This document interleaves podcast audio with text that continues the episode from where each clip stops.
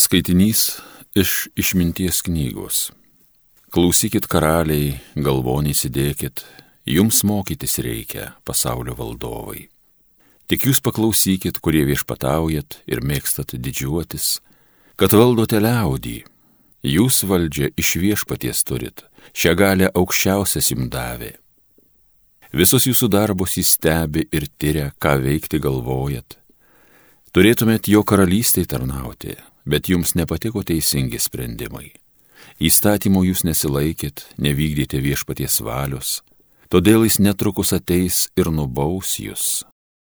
Didiesims jo teismo sprendimas bus griežtas, mažasis sulauks pagailos, atlaidumo, galingiesiems bausmės taipogi galingos Visatos valdovas juk nieko nebijo, nereikia jam lenktis prieš jokią didybę.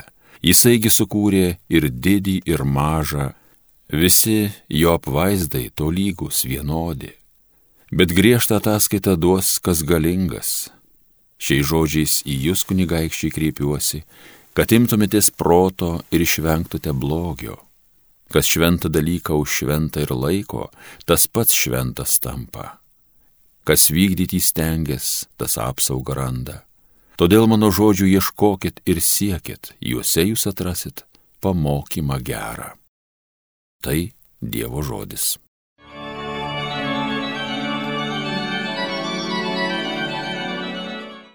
Tu Dieve pakilki, tu žemę teiski. Ginkit visus kriaudžiamuosius našlaičius, beturčių paniekintų, saugokit teisės, vargšus prispaustuosius vaduokit, traukite juos iš nedorilių rankos. Tu Dieve pakilki, tu žemę teiski. Esu aš pasakęs, visi jūs dievai, aukščiausiojo sūnus, tačiau jūs mirsit kaip kiti žmonės, krisit kaip kiekvienas žemės galiūnas. Tu Dieve pakilki, tu žemę teiski. Alleluja.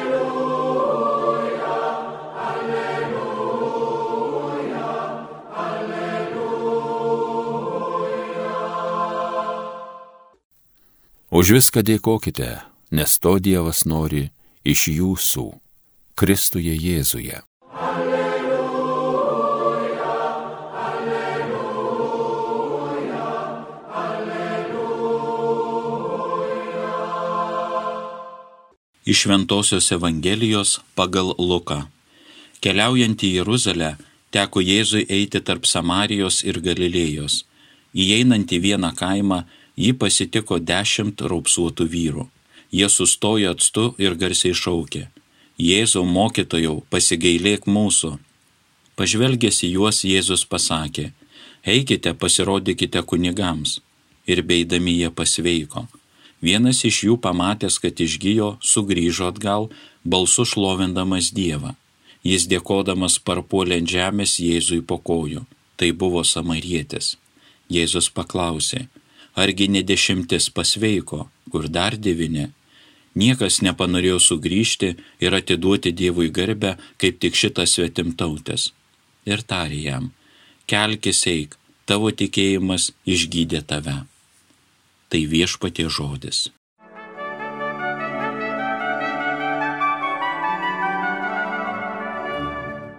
Mėly Marijos radio klausytojai, ši ištrauka svarbi kiekvienam pakrikštytajam bažnyčios mokiniui ir Jėzaus mokiniui. Pažvelkime į ją išsameu. Sutikti raupsuotieji į Kristų kreipėsi, Jėzau mokytojų pasigailėk mūsų. Jie žino jo vardą. Hebrajų kalboje vardas Jėzus reiškia Dievas gelbėja. Pripažįsta taip pat svarbu mokytojo titulą žydų visuomenėje. O šūksnis pasigailėk mūsų arba parodyk mums gailestingumą. Kokį gailestingumą? Hebrajiškai hezet. Tai pranoksta mūsų įsivaizdavimą ir mūsų galimybės. Pasigailėk mūsų, prašoma to, ką tik Dievas gali padaryti. Prašome Dievo hezet, ištikimos Dievo meilės. Šiame prašyme atkreipkime dėmesį nėra pagydyk mus. Iš tikro yra prašymas padaryk Dievo darbą, apreikšk Dievo visą galybę. Šventajame rašte yra toks herojus, tai šetonas, kuris nesako pasigailėk, tačiau jis nurodinėja, ką turi padaryti Jėzus, kad įrodytų, jog jis pats yra Dievas. Evangelistas Lukas rašo, pažvelgęs į juos, Jėzus įdėmiau į juos pasižiūrėjo. Jėzus mato daugiau negu kiti, nes kiti dažniausiai mato tik kūną ir išorę, o jis mato ir žmogaus sielą, širdį. Pagal šventą įraštą matyti yra sinonimas pažinti, o pažinti turi kitą sinonimą - tikėti. Taigi, Jėzus pažvelgęs juos mato daugiau negu visi kiti. Jis mato ir jų lygą, ir jų socialinę atskirtį, ir jų apleistumą, jog jie negali garbinti Dievo, nes jiems tikėjimo vadai sakė, kad raupsai tai yra Dievo bausmė ir Dievas yra juos nubaudęs. Tokiu matymu apdovanoti mes netai blogai ir pasijuntame, bet patys dauguma apdovanojame paviršutinišku skubiu žvilgsniu ir dažnai suklystame. Pavyzdžiui, patarlė pagal rūbą sutinka, o pagal protą išlydi. Bet ir šiuo laikotarpiu ne visai galioja ji. Komet Jėzus pasakė, eikite pasirodykite kunigams, tai raupsuotieji galėjo pagalvoti, kodėl Jėzus nepagydė vietoje ten pat. Kiek reikėjo tikėjimo ir pasitikėjimo Jėzaus žodžiu, kad jie eitų ten, kur Jėzus sako. Eiti pas kunigus, tai grįžti link bendruomenės. Senojo testamento kunigai tai fizinės, socialinės ir dvasinės veikatos sargai. Ir rizika pastatyti ir patys kunigai, kadangi turėjo patikrinti išgydytuosius tai yra fiziškai apžiūrėti. Liga yra daugiau socialinė negale negu fizinė. Fizinis išgydymas vyksta tarsi už kadro, einant keliu jie išgyjo. Jėzus pasiuntė įsigydyti daug sunkesnę lygą, tai socialinė lyga, kuri padarė juos neprimtinus bendruomeniai ir neprimtinus juos garbinti Dievą. Mums atrodo, kad baisiausias dalykas yra fizinė negalė. Šiuo atžvilgiu Jėzus sako, kad jūs esate atskirti nuo bendruomenės ir jūs esate atskirti nuo Dievo garbinimo. Ir tais laikais, ir šiandien tai yra jautrus klausimas. Kodėl Jėzus nepagydė vietoje raupsuotų? Jis nori, kad visi bendradarbiautų Dievo darbe. Galiausiai čia kalbama apie pasirinkimą ir beidami jie pasveiko. Ką su tuo dabar daryti? Bet koks susirgymas ir pasveikimas dovanoja pasirinkimo galimybę ir kaip mes tuo metu pasielgiam. Kalbama apie pasirinkimą tarp organizacijos prieimimo, kuo greičiau sugrįžti bendruomenę, kuo greičiau tapti jos nariu ir eiti pagarbinti tą, kuris padarė Dievo darbą, hebrajiškai Hezet. Sugrįžti savo bendruomenę ar grįžti prie Jėzaus ir tapti jo sėkėjų bei mokiniu. Tai yra sugrįžti į senąjį gyvenimą, kurį gyvenau prieš raupsų lygą, ar priimti Jėzaus naują dovanojamą gyvenimą. Tai paaiškėja iškiausiai ir su mūsų sveikata. Pavyzdžiui, nemažai susirgusių žmonių labai dažnai prisimena, kad yra ir Dievas. Tuomet keliais apeina baziliką, šventas vietas ir atlieka kitas maldingas fizinės praktikas, kad atgautų svarbiausią ir didžiausią žmogaus turtą - sveikatą ir kuomet jie atgauna, tai grįžta prie savo senojo gyvenimo. Iš tiesų grįžta į gyvenimą be Dievo.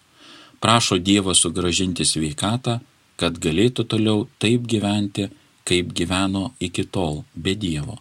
Todėl nenuostabu, kad Dievas neskuba šitų sveikatos prašymų pildyti.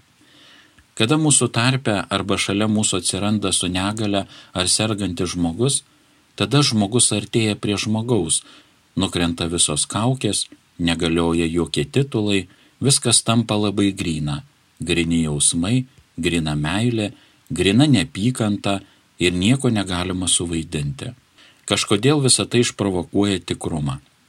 Šio Evangelijos atveju yra pasirinkimas. Ar grįšite į senąjį gyvenimą, tai yra senąjį testamentą, ar grįšite prie Jėzaus ir norėsite daugiau.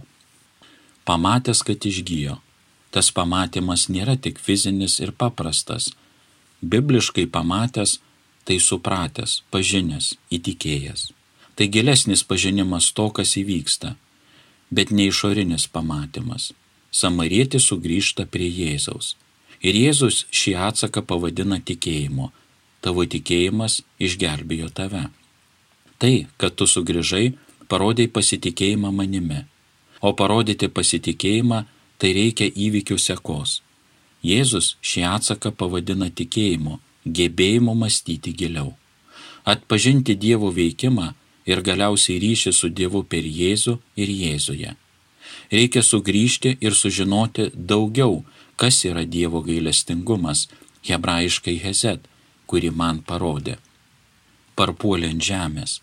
Šlovinimas ir dėkojimas yra būtinas ir pirminis atsakas, kuris veda į naują ir atnaujintą gyvenimą. Bet reikia daugiau. Jėzus sako, kelkis eik.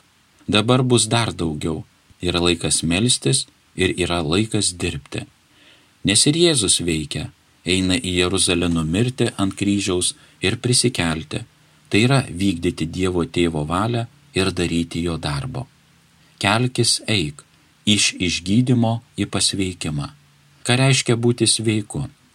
Tai reiškia būti integruotu.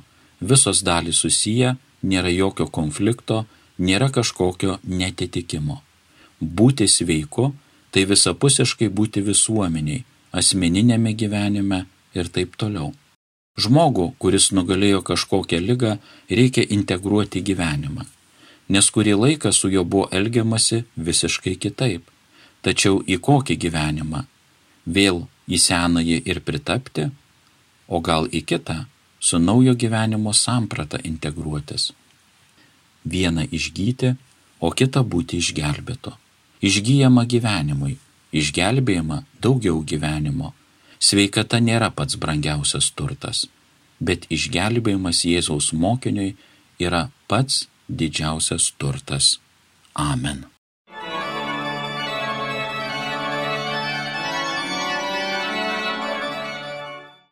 Homilija sakė kunigas Juozas Fakėjevas.